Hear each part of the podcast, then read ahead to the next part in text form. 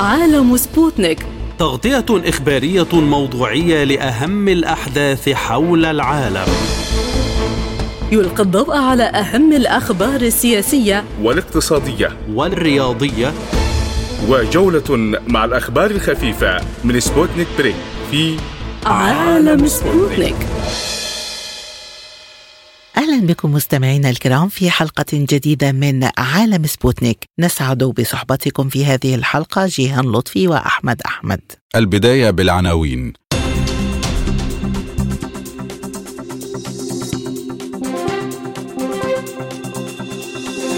موسكو تندد بجريمة الحرب التي ارتكبتها القوات الأوكرانية بحق الأسرى الروس. أوكرانيا تعترف بتورطها في سقوط صاروخ على بولندا وروسيا تشير إلى أن كييف تحاول إشعال مواجهة مع الناتو.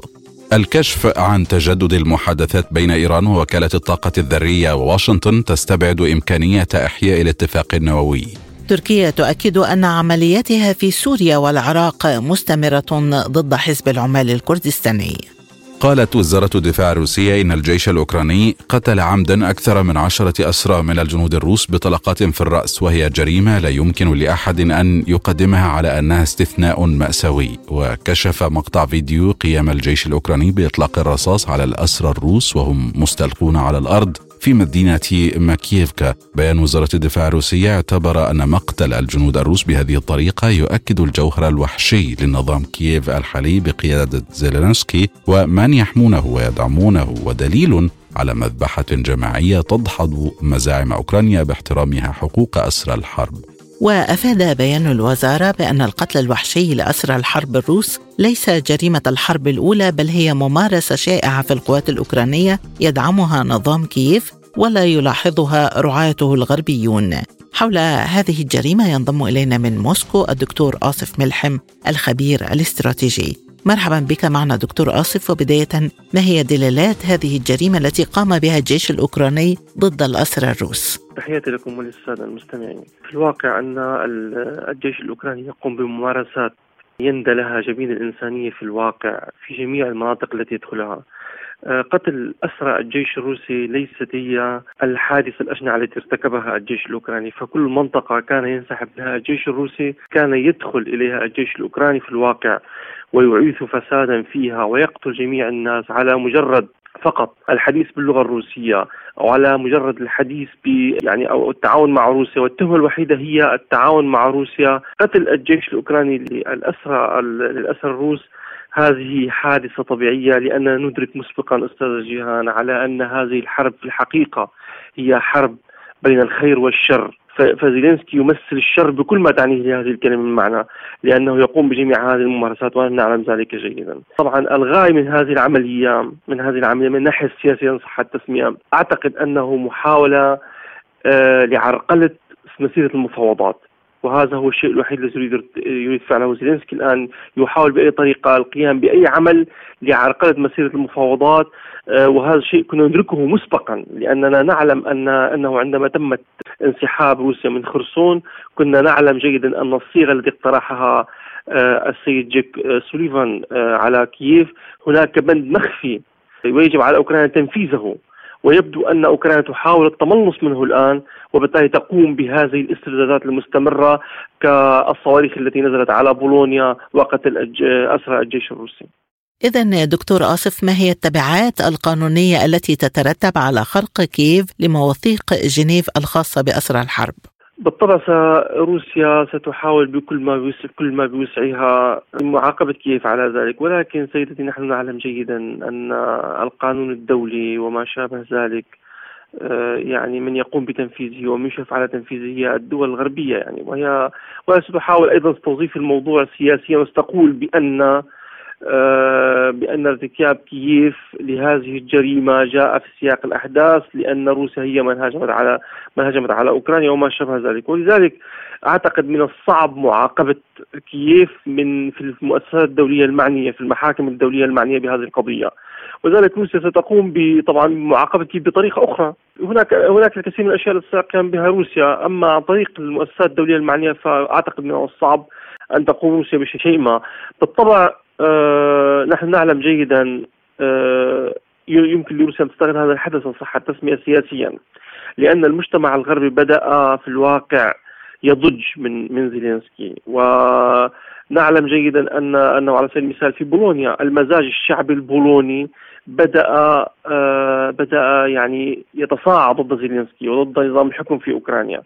وأعتقد أن روسيا تستغل هذه القضية فقط من هذه الناحية لزيادة الدعم الشعبي الغربي لها لأن الصورة حتى الآن في المجتمعات الغربية على أن روسيا هي من هاجم آه من هاجم أوكرانيا وأن هي المعتدي والحقيقة ان والحقيقة أن ليس الأمر على على على هذه الشاكلة وبالتالي أعتقد أن الموضوع سيتم تسويقه من قبل روسيا بهذه الطريقة. رئيس مجلس حقوق الإنسان لدى الكرملين أعلن أن موسكو ستطلب ردا من المجتمع الدولي وإجراء تحقيق، برأيك دكتور إلى أي مدى سيتعاون المجتمع الدولي في هذه القضية وهل يمكن أن تؤثر على سير العمليات على الأرض؟ أه، سيدتي أعتقد أن المجتمع الدولي حتى لو شكل لجنة وحتى لجنة تحقيق في هذه القضية فإنه سوف يحاول تزوير النتائج والتملص من النتائج وسوف يحاول آه، تسجيل النتائج لصالح أوكرانيا، هذا شيء نعلمه. وهناك كثير في الواقع أستاذ جيهان من الحقائق يعني. آه، على سبيل المثال محطة زبروجيا النووية يعني. مع العلم أن الاستفزازات كلها تقوم بها كييف ومع ذلك وهناك خطورة في الواقع ليس على أوكرانيا وعلى روسيا بل على بل على القاره الأوروبية كلها. يعني ومع ذلك نلاحظ أن الفريق الفريق الوكالة الدولية للطاقة الذرية حاول يعني حاول آه، تسويق الموضوع بطريقة أخرى آه، وجرى الاتهام باتجاه روسيا يعني. وبالتالي النتيجة معروفة معروفة مسبقا في هذه القضية. هناك نقطة أخرى يعني سكان الدنباس منذ عام 2014 رفعوا إلى محكمة المحكمة الأوروبية لحقوق الإنسان. يعني أرقام هناك قرأت أنا بعض الأرقام. هناك أكثر من 7000 دعوة مرفوعة إلى المحكمة الأوروبية لحقوق الإنسان ضد كييف.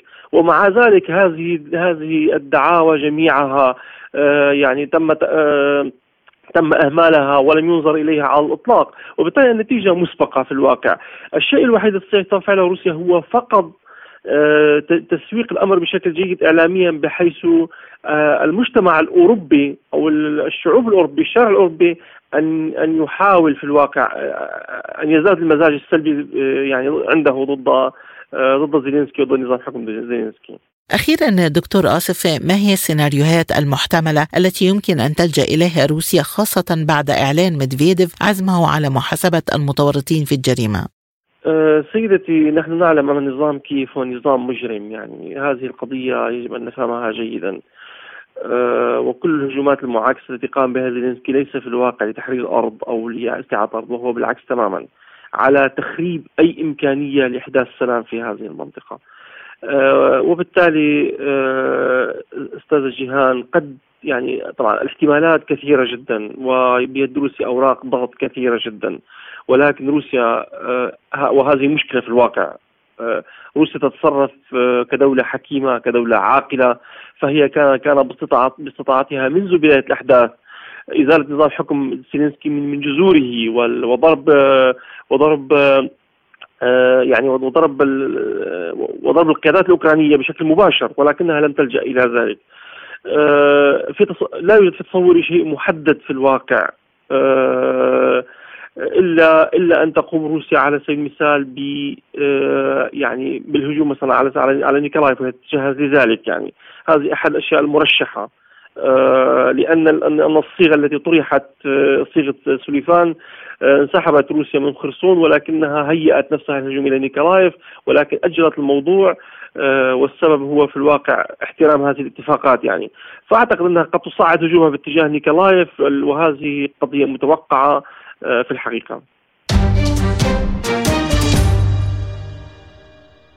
اعترف المتحدث باسم قيادة القوات الجوية الأوكرانية يوري إغنات بأن أوكرانيا تورطت في إطلاق صاروخ سقط في الأراضي البولندية ما يعني سقوط كل الدعاوى التي أعلنتها كييف والدول الغربية حول مسؤولية روسيا عن الصاروخ. وذكر إجنات في مقابلة صحفية مع واشنطن بوست أن شظايا صاروخ أوكراني ربما تكون سقطت فوق أراضي بولندا خلال اشتباكات. وقبل أيام سقط صاروخ على أراضي بولندا قرب الحدود مع أوكرانيا وأدى لمقتل شخصين فيما سارعت بولندا وأوكرانيا إلى اتهام موسكو بالحادث واستجداء تدخل الناتو وذلك في إطار حملة التحريض ضد روسيا. من جانبه اتهم السفير الروسي في واشنطن أناتولي أنطونوف كييف بالسعي إلى إشعال صدام عسكري مباشر بين روسيا وحلف الناتو وفي مقابلة صحفية مع نيوزويك بين أنطونوف أن السلطات الأوكرانية لا تطلب من واشنطن مساعدة عسكرية فحسب لكنها تحاول إثارة صدام عسكري مباشر بين روسيا وحلف شمال الأطلسي. حول هذا الموضوع ينضم إلينا من موسكو الدكتور فائز حوالة الكاتب والمحلل السياسي. مرحبا بك معنا ضيفا عزيزا دكتور فائز وبداية ما دلالات الاعتراف الأوكراني بأنه تورط في سقوط صاروخ تابع له فوق بولندا. بداية تحية لكم ولمستمعيكم ومتابعيكم الأكارم بكل تأكيد الاستفزازات التي استطاع أو أراد إثارتها الرئيس الأوكراني فلاديمير زيلينسكي كانت تقع في خانات البدء في آه، حرب عالمية جديدة. لا, لا أسميها الثالثة لأن الثالثة تجري تماما ولكن في مرحلة جديدة. وطبعا آه، الاعترافات جاءت بضغوطات أجنبية بضغوطات حتى مباشرة من الولايات المتحدة الأمريكية وهم يعلمون تماما بأن الصاروخ الذي سقط هو صاروخ أوكراني من نوع اس 300 المضاد للدفاعات الجوية. هذا من ناحية. من ناحية أخرى آه، من النتائج آه، التي ظهرت على ما آه، هم أظهروه في الصور والفيديوهات حول حطام هذه هذا الصاروخ وبالمناسبة هم بالبداية قالوا صاروخين وبعد ذلك قالوا صاروخ وما إلى غير ذلك هي مسرحية طبعا والرئيس زيلينسكي هو ممثل بارع بكل الأحوال. آه وبالتالي لا يمكن على الإطلاق لصاروخ مداه 75 كيلومتر أن ينطلق من أقرب منطقة أو تواجد للقوات الروسية على الأراضي الأوكرانية باتجاه آه العمق البولوني وخاصة إذا ما أخذنا بعين الاعتبار أن هذه الصواريخ بحسب تقاريرهم سقطت على مسافة 20 كيلومتر من الحدود البولونية في العمق البولندي. بالتالي يعني أنه كل ذلك كان عبارة عن مسرحية. هذا من ناحية. من ناحية أخرى حتى إذا كان الصاروخ اس 300 الذي أطلقه آه الجيش الأوكراني آه وسقط في بولندا كيف يطلقونه باتجاه الشرق ويسقط آه، باتجاه الغرب. إذا كل ذلك جاء من أجل آه، دفع وحث آه، الرئيس الأوكراني الدول الناتو والولايات المتحدة الأمريكية والأنجلو ساكسون من أجل زيادة الدعم العسكري والدعم المالي الذي يسمى في نهاية المطاف كما آه، نرى في هذه الأيام بالثقب الأسود والذي تذهب معظم الأموال التي تأتي من الولايات المتحدة الأمريكية لتمويل الفساد تحديدا عبر أوكرانيا آه، هذا من ناحية من ناحية أخرى ما هو الهدف الحقيقي من ذلك؟ طبعا الهدف الحقيقي من ذلك هو محاولة بولندا تدعيم آه، دفاعاتها الجوية آه، باتجاه الحدود البولندية الأوكرانية وخاصة بتزويد آه، بمنظومات إضافية من الباتريوت. إضافة إلى ذلك ربما ربما تحاول بولندا من خلال ذلك أن تنشر حتى دفاعات جوية على المناطق التي تعتبرها في نهاية المطاف. بولندا مقتطعة كنتيجة للحرب العالمية الثانية من أراضيها وأقصد هنا منطقة البوف والمناطق المحيطة بالبوف التي كانت تعتبر قبل آه، نهاية الحرب العالمية الثانية أراضي بولندية. لذلك هذه الأطماع كلها وبالاتفاق أنا أعتقد تماما بأنه ما بين آه، الرئيس زيلينسكي والحكومة البولندية. كل ذلك في نهاية المطاف هو من أجل بداية تقسيم أوكرانيا إلى مناطق آه، نفوذ آه، أو إلى مناطق آه، تظهر في نهاية المطاف الخريطة الجغرافية الجديدة لأوكرانيا ولكن هذه الأمور لن تسري على الإطلاق لأن الأهداف الحقيقية للولايات المتحدة الأمريكية ليس باقتطاع أجزاء من أوكرانيا ولكن طبعا كما نعلم هي تحاول ومع الانجلو ساكسون أن تسيطر على كل أوكرانيا.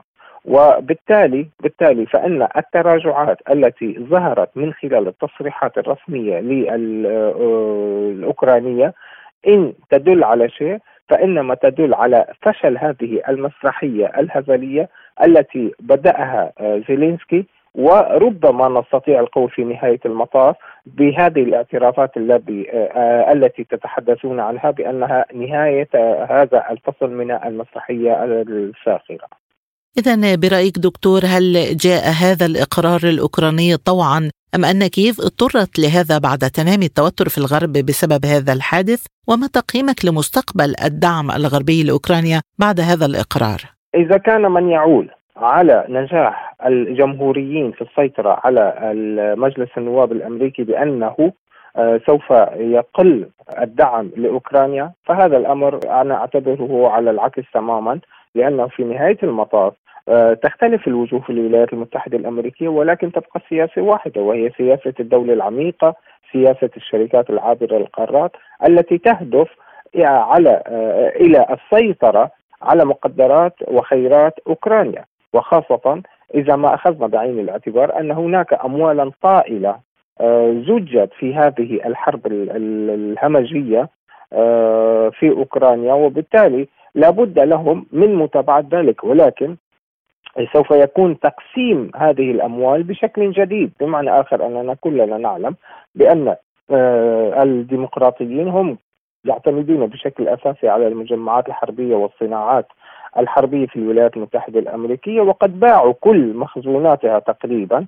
وخاصه تلك المخزونات التي قاربت آه، نهاية صلاحياتها صلاحيات استخدامها وهذا ما نراه طبعا. هي من هذا من ناحية. من ناحية أخرى استطاعت الولايات المتحدة الأمريكية عبر هذه السياسة أيضا أن تفرغ مستودعات دول الاتحاد الأوروبي سواء كان من الأسلحة ذات النموذج السوفيتي أو حتى من الأسلحة التي تم بيعها تحت عنوان أسلحة ناتوية. ولكن أيضا آه، في نهاية المطاف قاربت أو تقارب نهاية صلاحيتها وبالتالي أصبحت المخازن والمستودعات آه، فارغة مما سيضطر تلك الدول تحت المخاوف التي تحاول الولايات المتحدة الأمريكية نشرها في دول الاتحاد الأوروبي ودول الناتو من أن هناك غزوا آه، روسيا محتملا لهذه الدول وبالتالي سوف تقوم بزيادة احتياطاتها أو مشترياتها من الأسلحة وبالطبع هذه الأسلحة سوف تكون أمريكية الصنع بالدرجة الأولى.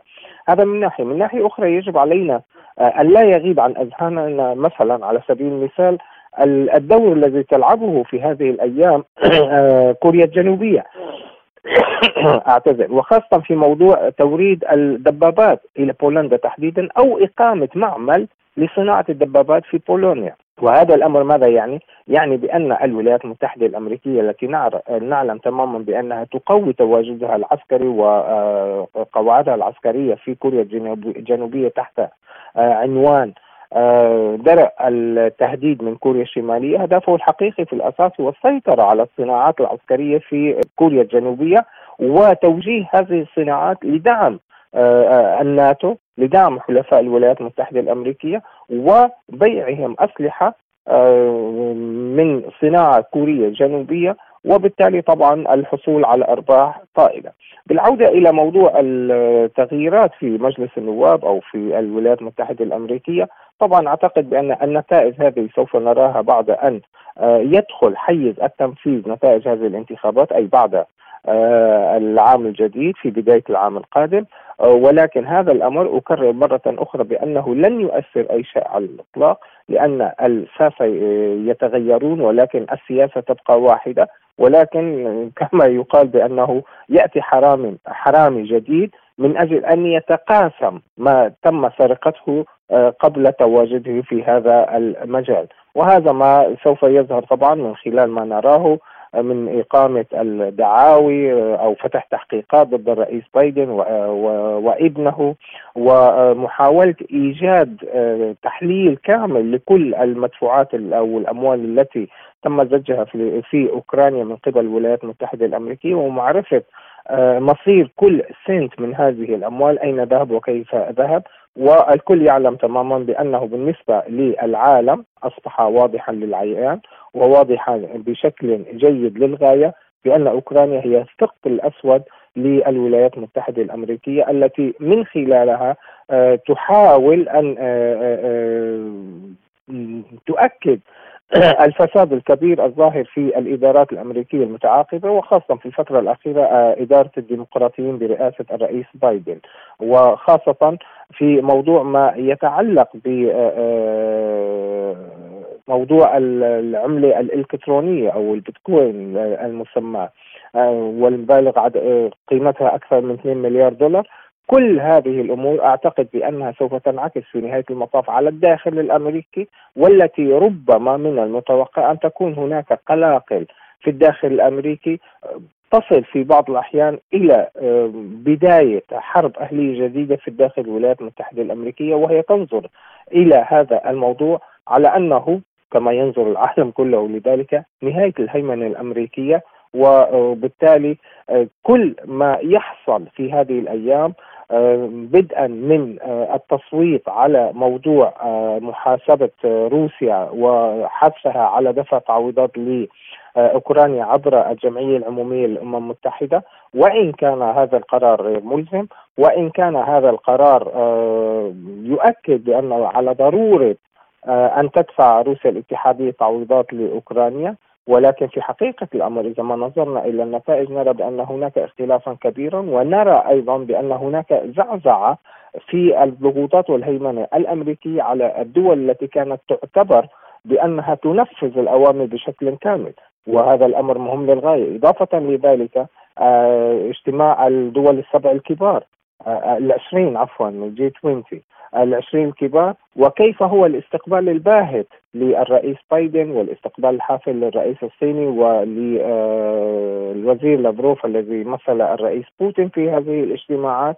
كل وعدم آه، إصدار بيان يكون فيه نقد مباشر للعملية العسكرية الخاصة في روسيا آه، على في أوكرانيا.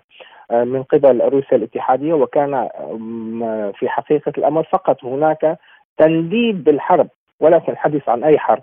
طبعا الكل يندد بالحرب الكل ضد الحروب ولكن لم يكن هناك إشارة مباشرة إلى الحرب الروسية في أوكرانيا وهذا أيضا انتصارا جديدا لمحور الروسي.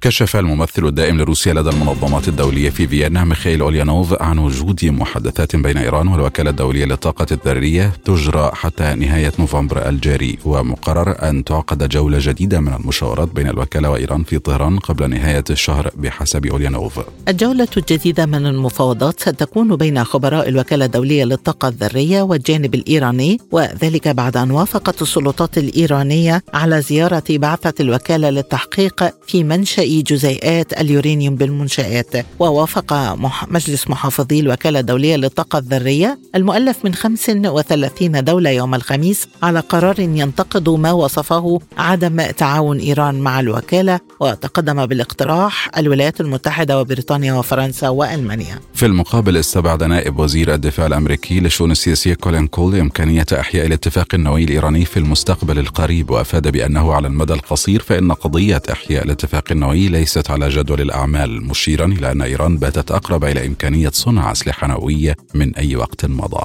للمزيد ينضم إلينا من القاهرة دكتور أحمد مصطفى مدير مركز آسيا للدراسات. دكتور أحمد بعد التحية بداية ماذا يمكن أن ينتج عن محادثات إيران وكالة الطاقة الذرية مع تجدد المباحثات؟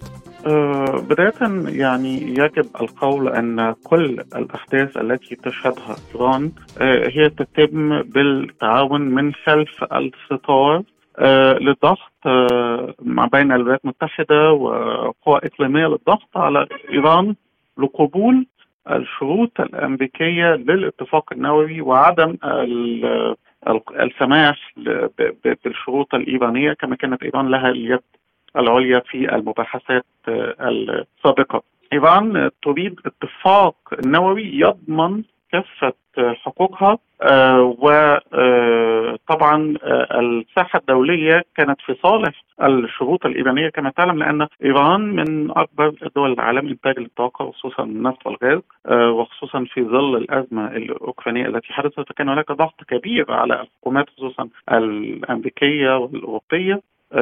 لعقد يعني مفاوضات جيدة ولكن الوصول بصيغة للأسف لا ترغبها إيران والتي تسمح كما حدث سابقا في 2018 للولايات المتحدة بالخروج من الاتفاق في أي وقت دون محاسبة ودون احترام لإيران وإفشال الاتفاق مرة أخرى. وكانت من أهم النقاط التي يعني حث عليها الجانب الإيراني إزالة كافة العقوبات الأمريكية والتي وصلت تقريبا ألف عقوبة ضد الدولة الإيرانية في هذا الصدد.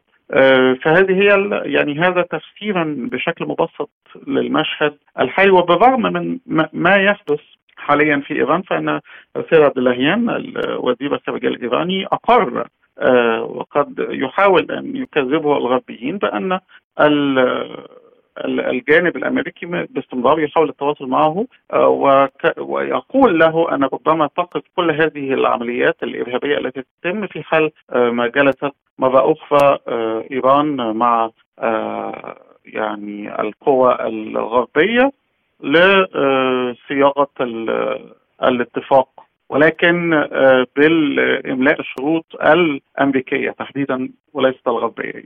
ما هي الجوانب التي ستكون محور النقاش بين الطرفين للتذليل العراقيل في مسار إنهاء الأزمة؟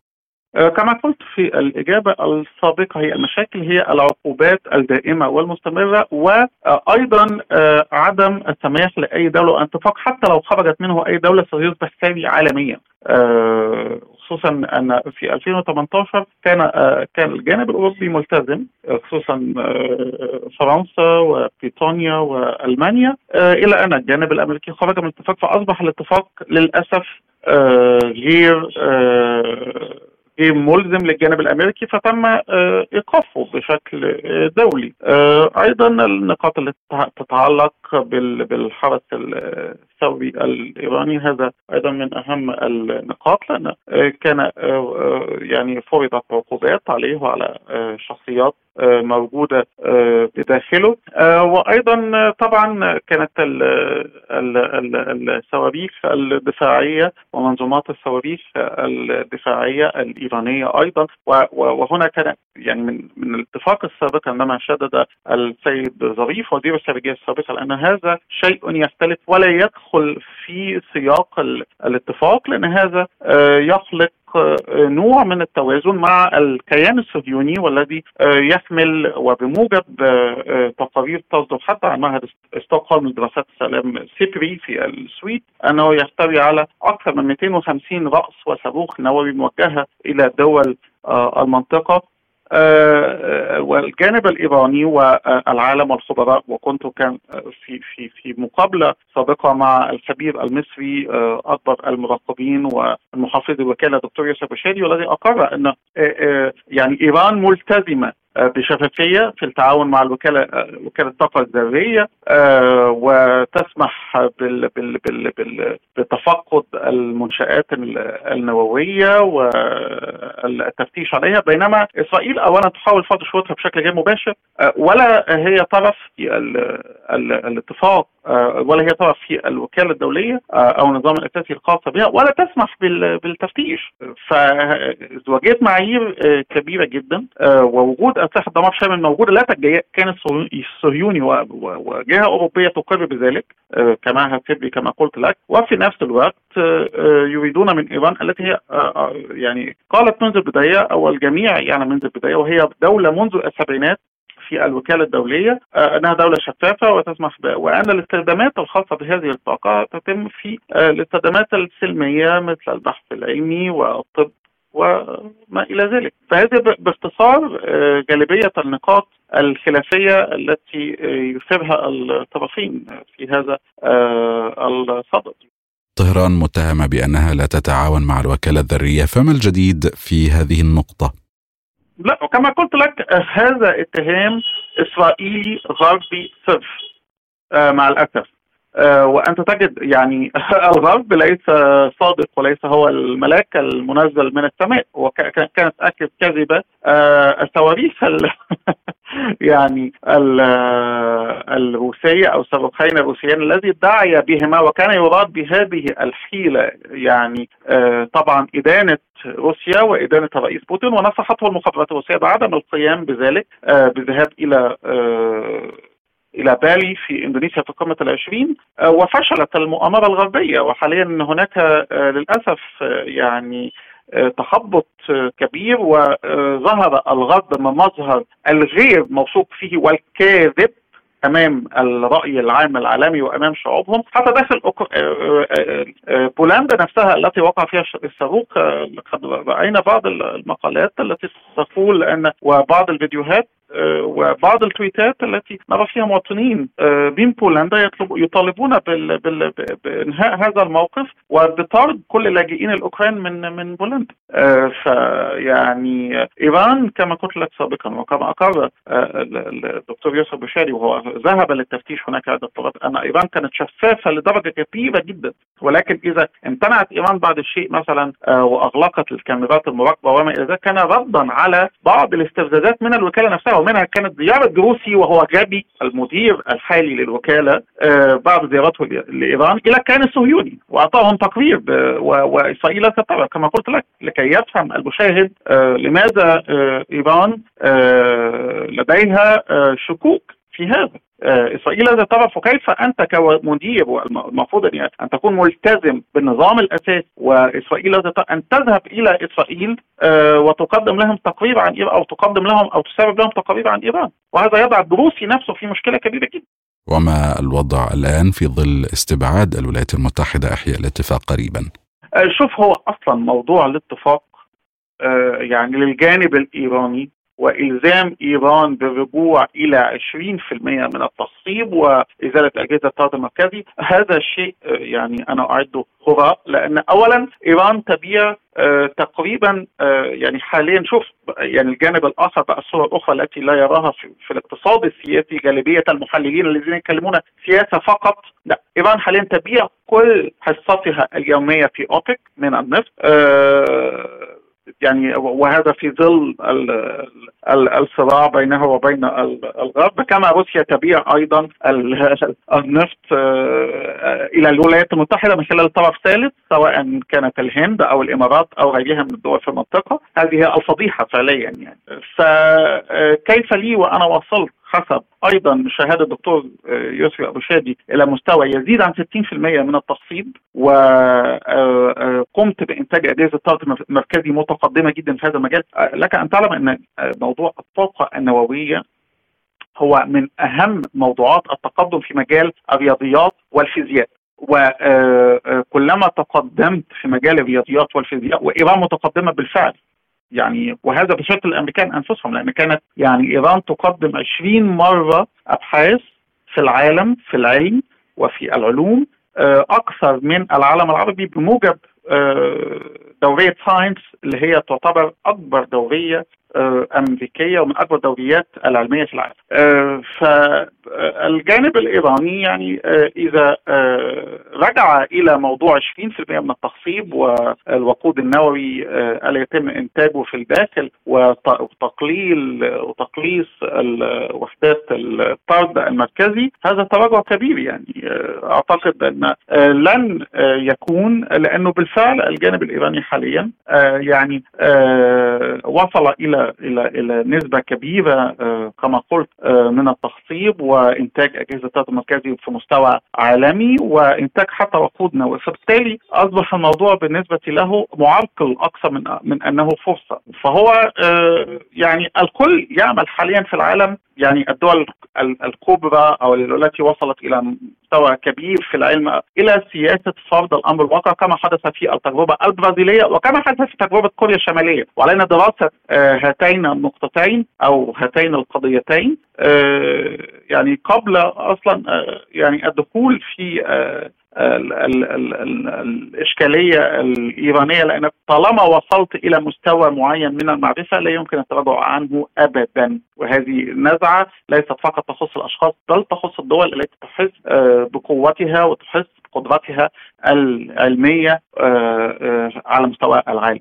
وأيضا هو نوع كما قلت لك سابقا هو خلق نوع من التوازن في المنطقة بين كيان صهيوني ينتج ولديه مفاعلات نووية تنتج أسلحة وإيران التي هي جزء من العالم الإسلامي وغاب العالم العربي وربما نستفيد نحن منها من تجربتها في المستقبل. لأنه أيضا يعني يعني الجانب الإيراني حتى في عز الأزمة يعني وكما أتابع الاعلام يوميا لم يعني آه يعني آه يقول أي كلمة على أي دولة من الدول العربية ويقول باب الحوار مفتوح آه وخصوصا في رده مثلا على المبادره الخاصة بالدكتور أحمد الطيب شيخ الازهر فيما يخص الحوار ما بين المذهبين السني والشيعي وكانت يعني دعوة المسؤول بقبول دعوة المسؤول في إيران أيضا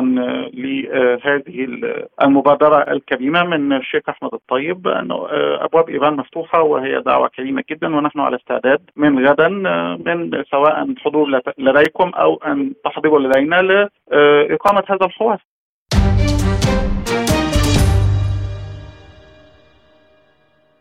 شدد وزير الخارجية التركي مولود جويش أغلو على أن العمليات العسكرية لبلاده في كل من سوريا والعراق ستستمر. يأتي هذا على وقع الانفجار الذي خلف ضحايا وإصابات يوم الأحد الماضي في شارع الاستقلال بمدينة إسطنبول. وأكد أغلو على استمرار الضربات والعمليات الخاصة التي تنفذها القوات وأجهزة الاستخبارات ضد قيادات حزب العمال الكردستاني ووحدات حماية الشعب في شرق سوريا وشمال العراق. ورغم أن أي جهة لم تعلن مسؤوليتها حتى الآن عن التفجير لأن السلطات التركية أوقفت 17 شخصا مشتبها بهم عقب التفجير الذي نسبته أنقرة إلى مقاتلين أكراد من حزب العمال الكردستاني وحلفائهم في سوريا. للمزيد ينضم إلينا من إسطنبول السيد جواد كوك المحلل السياسي. سيدي أهلا بك. بداية ما هي أهمية استمرار العمليات العسكرية التركية في العراق وسوريا؟ طبعا الحكومة التركية قررت منذ زمان عدة سنين أن تختار طريق القتال ضد حزب العمال الكردستاني الإرهابي. لا مجال للمفاوضات معهم. كان هناك انفتاح من الحكومة التركية آه لصالح حزب العمال الكردستاني أو قوات قسد وغير ذلك. لكنه الحكومة غيرت السياسة. وبدأت باستعمال السلاح والقتال ضد هؤلاء. حقيقة أنه في المرحلة الأولى من شمالي سوريا الحكومة التركية أخذت نتائج ملموسة ونتائج مطلوبة من العمليات السابقة. لكن الآن بحاجة إلى بعض العمليات لأنه قبل الانتخابات الحكومة التركية تقوم. بمثل هذه العمليات العسكرية في شمال سوريا والعراق. بالنسبة إلى العراق أيضا كان هناك هجمات قوية وقصف مواقع. كان أحد العمليات هدفها موقع مدني. كان هناك رفض شديد من قبل الحكومة العراقية وتركيا وقفت العمليات ضد حزب العمال الكردستاني في شمالي العراق لكنه كأنهم أخذوا قرار يستمرون للعمليات السابقة وأن يبدأون بالعمليات الجديدة خاصة بعد تفجير إسطنبول. كان هناك حجة ووسيلة بيد الحكومة التركية. نعم. ألا تخشى أنقرة من توتر العلاقات مع دول الجوار على خلفية هذه العمليات؟ طبعا يعني دولة سوريا العلاقات لا, لا توجد علاقات مباشرة ولهذا السبب الحكومة التركية لا تهتم بموقف حكومة دمشق. لكن بالنسبة إلى العراق نعم هناك حساسية جدا من قبل الحكومة العراقية وعلاقات متوترة لا زالت بين بغداد وأنقرة. هناك مخاوف طبعا موجودة لكن الحكومة التركية تهتم بما يجري في الداخل. ولا تهتم بتحذيرات الجانب العراقي لأنه البلد الحكومة التركية ترى حكومة العراقية حكومة ضعيفة جدا وعندما تكون الحكومة ضعيفة تتدخل في شؤونها الداخلية كثير من الجهات ولهذا السبب الحكومة لا تهتم بتحذيرات الجانبين البغدادي ودمشقي. ولماذا لا تكون هناك تفاهمات مع سوريا والعراق لحماية الحدود من أي تخوفات؟ وهل هناك فرصة لأي تنسيق؟ طبعا بالنتيجة أردوغان صرح قبل أيام أنه سوف نقوم بالتواصل مع دمشق بشكل مباشر ولا يستبعد اللقاء مع بشار الأسد وغير ذلك. هذه تصريحات مهمة جدا. طبعا هو أخره إلى ما بعد الانتخابات يعني بعد ستة أشهر. لكنه بالنتيجة من مصلحة تركيا أن تتحرك مع العواصم يعني مع الحكومات المركزية. مثلا بالنسبة إلى آه، شمالي العراق وسوريا. لو ترفع رايات سوريا مثلا في شمالي سوريا هل هذا لمصلحة تركيا بدلا من رايات الأمريكية أو حزب العمال الكردستاني وغير ذلك؟ ولهذا السبب أنا أظن أنهم سوف يعيدون النظر إلى سياستهم تجاه بغداد وسوريا وبحاجة إلى التنسيق معهم لأمن الحدود كما تفضلتم نعم لم تعلن أي جهة مسؤوليتها عن تفجير إسطنبول حتى الآن فلماذا تتهم تركيا حزب العمال؟ بالنتيجة استخبارات التركية استخبارات قوية وأيضا يعني الجو العام في داخل تركيا أعلنوا أنه يعني حزب العمال الكردستان هم مسؤولون عن هذا التفجير لأن نوع التفجير لا يشبه بأنواع التفجيرات التي قام بها دواعش مثلا. جهتين آه، يعني متهمتين إلى بالنسبة لهذا التبشير وحاليا بقي فقط اختيار حزب العمال الكردستاني وأرضية داخليه موجودة لأن القومية صارت متطرفة في تركيا وأيضا آه، بالنسبة إلى حزب العمال الكردستاني في حكومة تركيا أخذت سياسة حادة ولهذا السبب أرضية موجودة بالنسبة إلى أنه حزب العمال الكردستان هم من قبل طبعا خلفيات لا نعرفه يعني خلفيات حقيقة لا يصرحون وأيضا هناك صمت الإعلامي ما زالت موجود ولهذا السبب آه القضية بحاجة إلى تصريحات الرئيس أردوغان أو المسؤولين خاصة وزير الداخلية أكثر وأكثر. لكنهم أيضا آه كأنه جعلوه في جدول زمني يبقى القضية تبقى نسيا منسيا يعني. عالم سبوتنيك مستمر معكم والآن موعدكم مع جولة حول العالم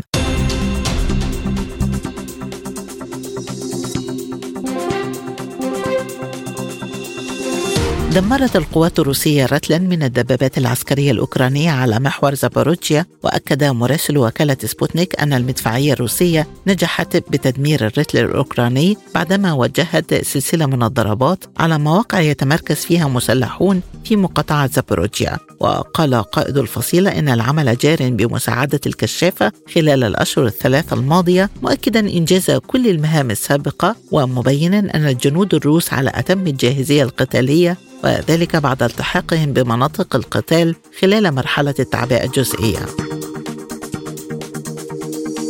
حذر زعيم كوريا الشمالية كيم جونغ أون من وصفهم بأعداء بلاده باستخدام السلاح النووي ردا على التهديدات التي تسببت فيها الدول الغربية والولايات المتحدة. وتعهد الزعيم الكوري الشمالي بالرد على التهديدات المستمرة من القوى الخارجية باستخدام الأسلحة النووية وذلك بعد يوم من إطلاق بيونغ يانغ صاروخا باليستيا عابرا للقارات. ودعا أون خلال إشرافه على عملية الإطلاق إلى تطوير المزيد من الأسلحة الاستراتيجية وتدريب الوحدات النووية التكتيكية. قتل أربعة جنود من الجيش العراقي خلال هجوم نسب إلى تنظيم داعش الإرهابي في محافظة كركوك. وأفادت مصادر عراقية بأن عناصر التنظيم الإرهابي شنت هجوما على الجيش العراقي ضمن قضاء الدبس في كركوك. وأعلن نائب قائد العمليات المشتركة الفريق الركن قيس المحمداوي يوم الجمعة أن قواته قتلت اثنين من التنظيم الإرهابي في كركوك في المعارك التي تخوضها القوات بعدد من المحافظات منها نينوى وكركوك وديالي وصلاح الدين والأنبار وضواحي بغداد للقضاء على ما تبقى من عناصر داعش. أسفرت غارات جوية شنتها طائرات إسرائيلية عن مقتل أربعة جنود من الجيش السوري وإصابة خامس. إلى جانب وقوع خسائر مادية كبيرة. ونقل مراسل سبوتنيك عن مصدر عسكري سوري قوله إن العدوان الإسرائيلي نفذته طائرات إسرائيلية فوق البحر المتوسط المقابل لمدينة بانياس الساحلية. وأوضح المصدر أن العدوان استهدف مواقع عسكرية في المنطقتين الساحلية والوسطى. وأكد أن الصواريخ الاعتراضية للدفاع الجوي السوري تصدت للصواريخ الإسرائيلية وأسقطت عددا منها.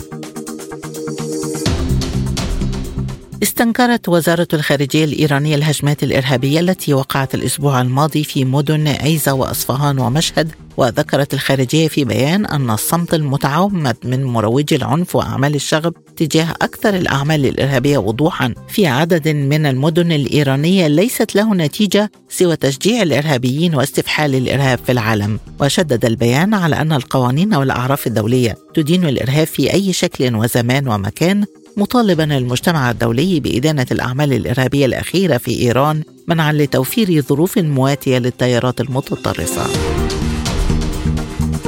انطلقت قمة الأمن الإقليمي في مؤتمر حوار المنامة الثامن عشر بأربع جلسات عامة وتحمل أولى الجلسات العامة للقمة الأمنية عنوان المتغيرات الجيوسياسية للطاقة وينتظر أن تختتم الجلسات العامة لليوم الأول من حوار المنامة بالجلسة الرابعة التي ستناقش مبادرات الشرق الأوسط لحل النزاعات الإقليمية. انطلقت مساء الجمعة فعالية مؤتمر حوار المنامة وتستمر حتى الأحد الذي يشهد عقد جلسات ثلاث تناقش أمن نقاط الاختناق البحرية والعالمية والشراكات الجديدة في مجال الأمن في الشرق الأوسط وسياسات الشرق الأوسط في السياق العالمي. مستمرون معكم وهذه تذكرة بأهم العناوين. موسكو تندد بجريمة الحرب التي ارتكبتها القوات الأوكرانية بحق الأسرى الروس. أوكرانيا تعترف بتورطها في سقوط صاروخ على بولندا وروسيا تشير إلى أن كييف تحاول إشعال مواجهة مع الناتو. الكشف عن تجدد المحادثات بين إيران ووكالة الطاقة الذرية واشنطن تستبعد إمكانية إحياء الاتفاق النووي. وتركيا تؤكد أن عملياتها في سوريا والعراق مستمرة ضد حزب العمال الكردستاني. والآن إلى أخبار الاقتصاد.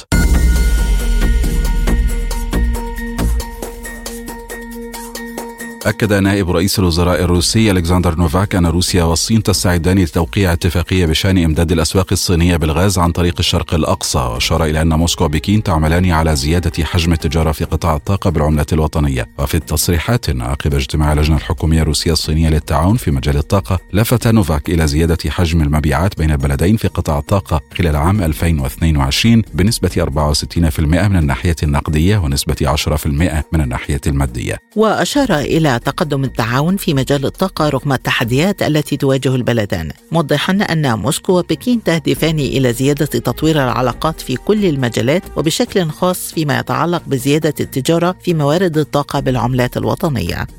حول هذا الموضوع ينضم إلينا من بغداد الدكتور عبد الرحمن المشهداني أستاذ الاقتصاد بالجامعة العراقية. مرحبا بك معنا دكتور. وبداية ما أهمية قرب التوقيع على نقل الغاز الروسي والصيني والتبادل في هذا الإطار بالعملات المحلية؟ أهلا وسهلا مرحبا. وهذا جزء من اتفاق سابق يعني عقدته الدول المؤسسة لمجموعة البريكس. يعني والدولتين هم من الدول الكبرى المؤسسة لهذا التجمع. تم الاتفاق على ضرورة أن يكون التبادل التجاري بعملات بلدان أعضاء المجموعة، طبعا هذا الاتفاق سيؤثر كثيرا على أسواق الطاقة العالمية. يعني ربما ترتفع الأسعار بشكل كبير في دول أخرى. يعني نتيجة التوجه الصين لاستيراد المزيد من النفط والغاز الروسي على حساب بلدان أخرى، إحنا نعلم جيدا انه روسيا تجهز أوروبا بالغاز والنفط وتعتمد بشكل كبير وكانت أصلا الحرب رهان مطاولة الحرب انه حرمان روسيا من أسواق الطاقة العالمية، اليوم هذا فتح آفاق كبيرة الغاز الروسي أن ينتج إلى أكبر مستهلك ربما يكون بعد الولايات المتحدة الأمريكية.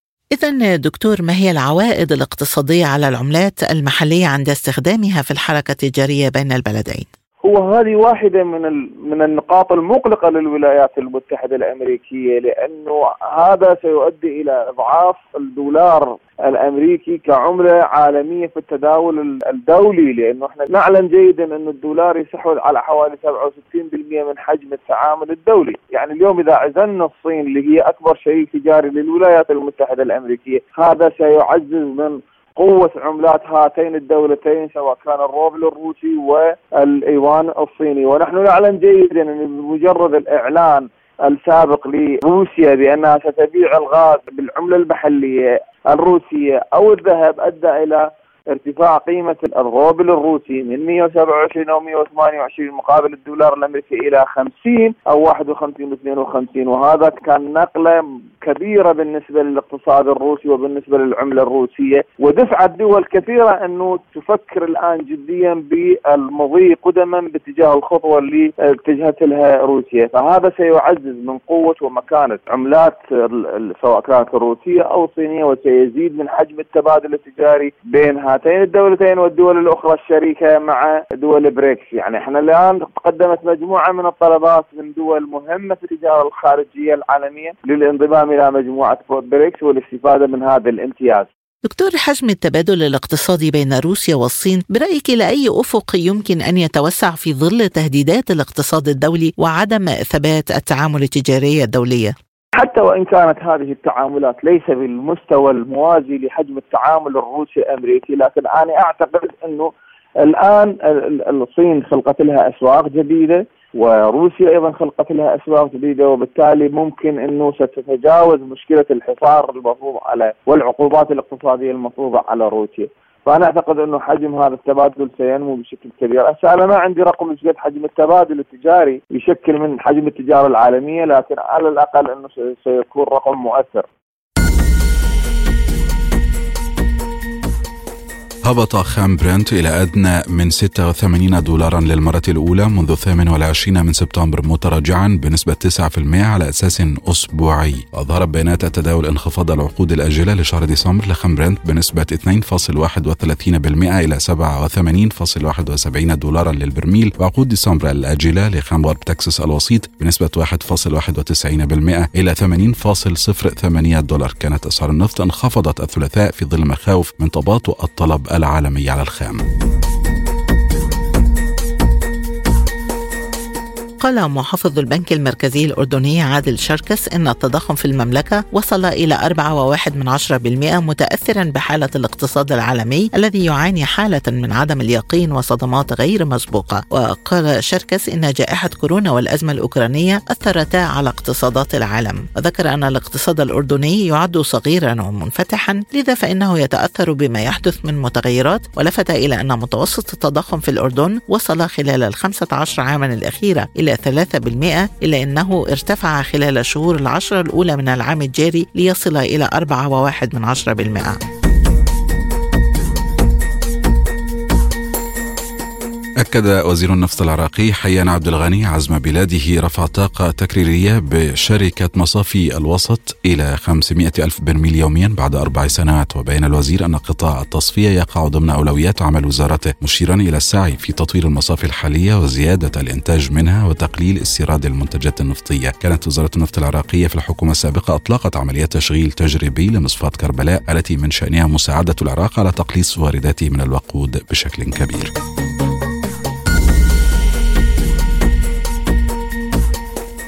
تواجه بريطانيا أكبر هبوط في مستويات المعيشة على الإطلاق مع إعلان الحكومة عن برنامج بقيمة 55 مليار جنيه استرليني لزيادة الضرائب وخفض الإنفاق. وقدر المكتب المستقل لمسؤولية الميزانية أن الدخل الحقيقي المتاح للأسر سينخفض بنسبة 4.3% في السنة المالية الحالية وسيكون هذا أكبر انخفاض في عام واحد منذ أن بدأ مكتب الإحصاء الوطني تسجيل البيانات عام 1960 وخمسين.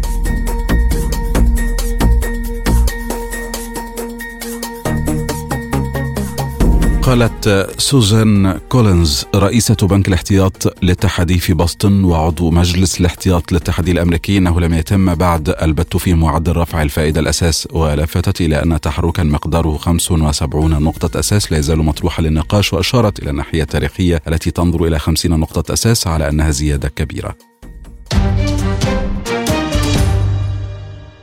والآن موعدكم مع أخبار الرياضة.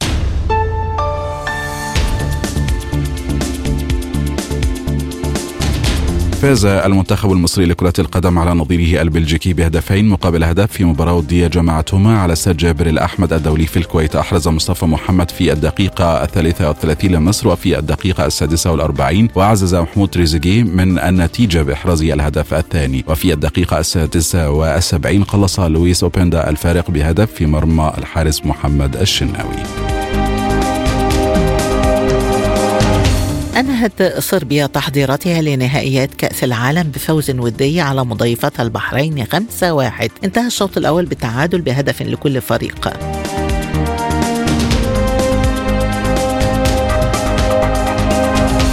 قال حاكم دبي الشيخ محمد بن راشد نائب رئيس الإمارات إن استضافة قطر كأس العالم إنجاز قطري وفخر خليجي ومحطة تاريخية لكل العرب. وفي تغريدة على تويتر بارك بن راشد استضافة قطر لهذا العرس الكروي والعالمي معتبرا أن جميع دول وشعوب المنطقة معنية بدعم نجاح هذه الفعالية.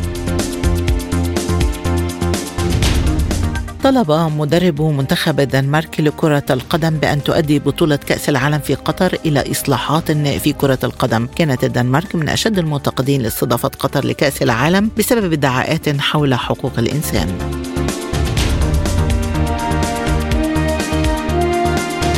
استدعى منتخب إسبانيا مدافع برشلونة أليخاندرو بالدي ليحل محل المصاب خوسي جايا قبل أقل من أسبوع على المباراة الأولى الفريق في كأس عالم ضد منتخب كوستاريكا.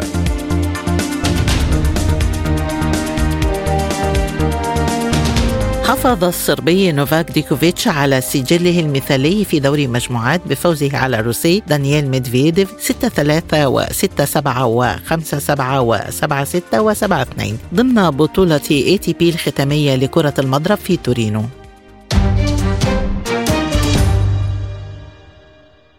والآن مع سبوتنيك break.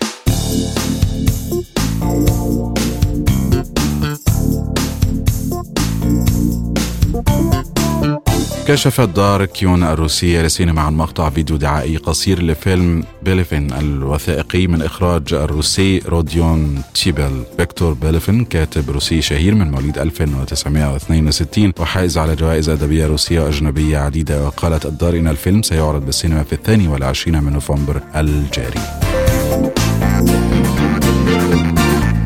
انطلق مهرجان رافدين السينمائي الدولي بدورته الثانية في بغداد تحت شعار السينما لغة الحياة. وحمل اسم الفنانة سناء عبد الرحمن الأكثر بطولة للأفلام السينمائية العراقية. يشارك في الأفلام 69 فيلما من بين 623 عملا مقدما من 20 دولة تعرض على مدى يومين وتم اختيارها من لجنة الفرز والمشاهدة الدولية المؤلفة من سينمائيين من المغرب العربي وسوريا والعراق.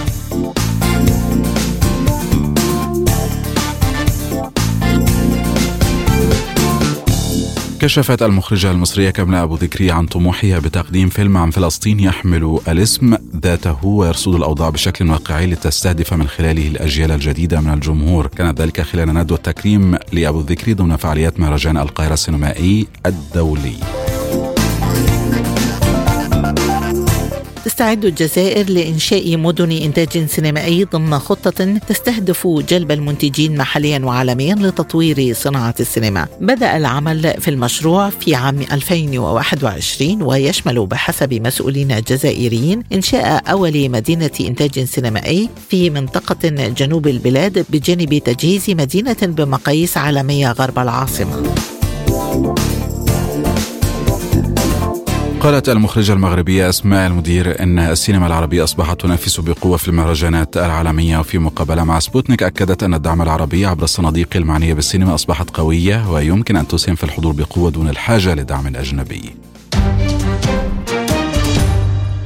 وفي الختام لا يبقى لنا سوى التذكير بأهم ملفات عالم سبوتنيك لهذا اليوم.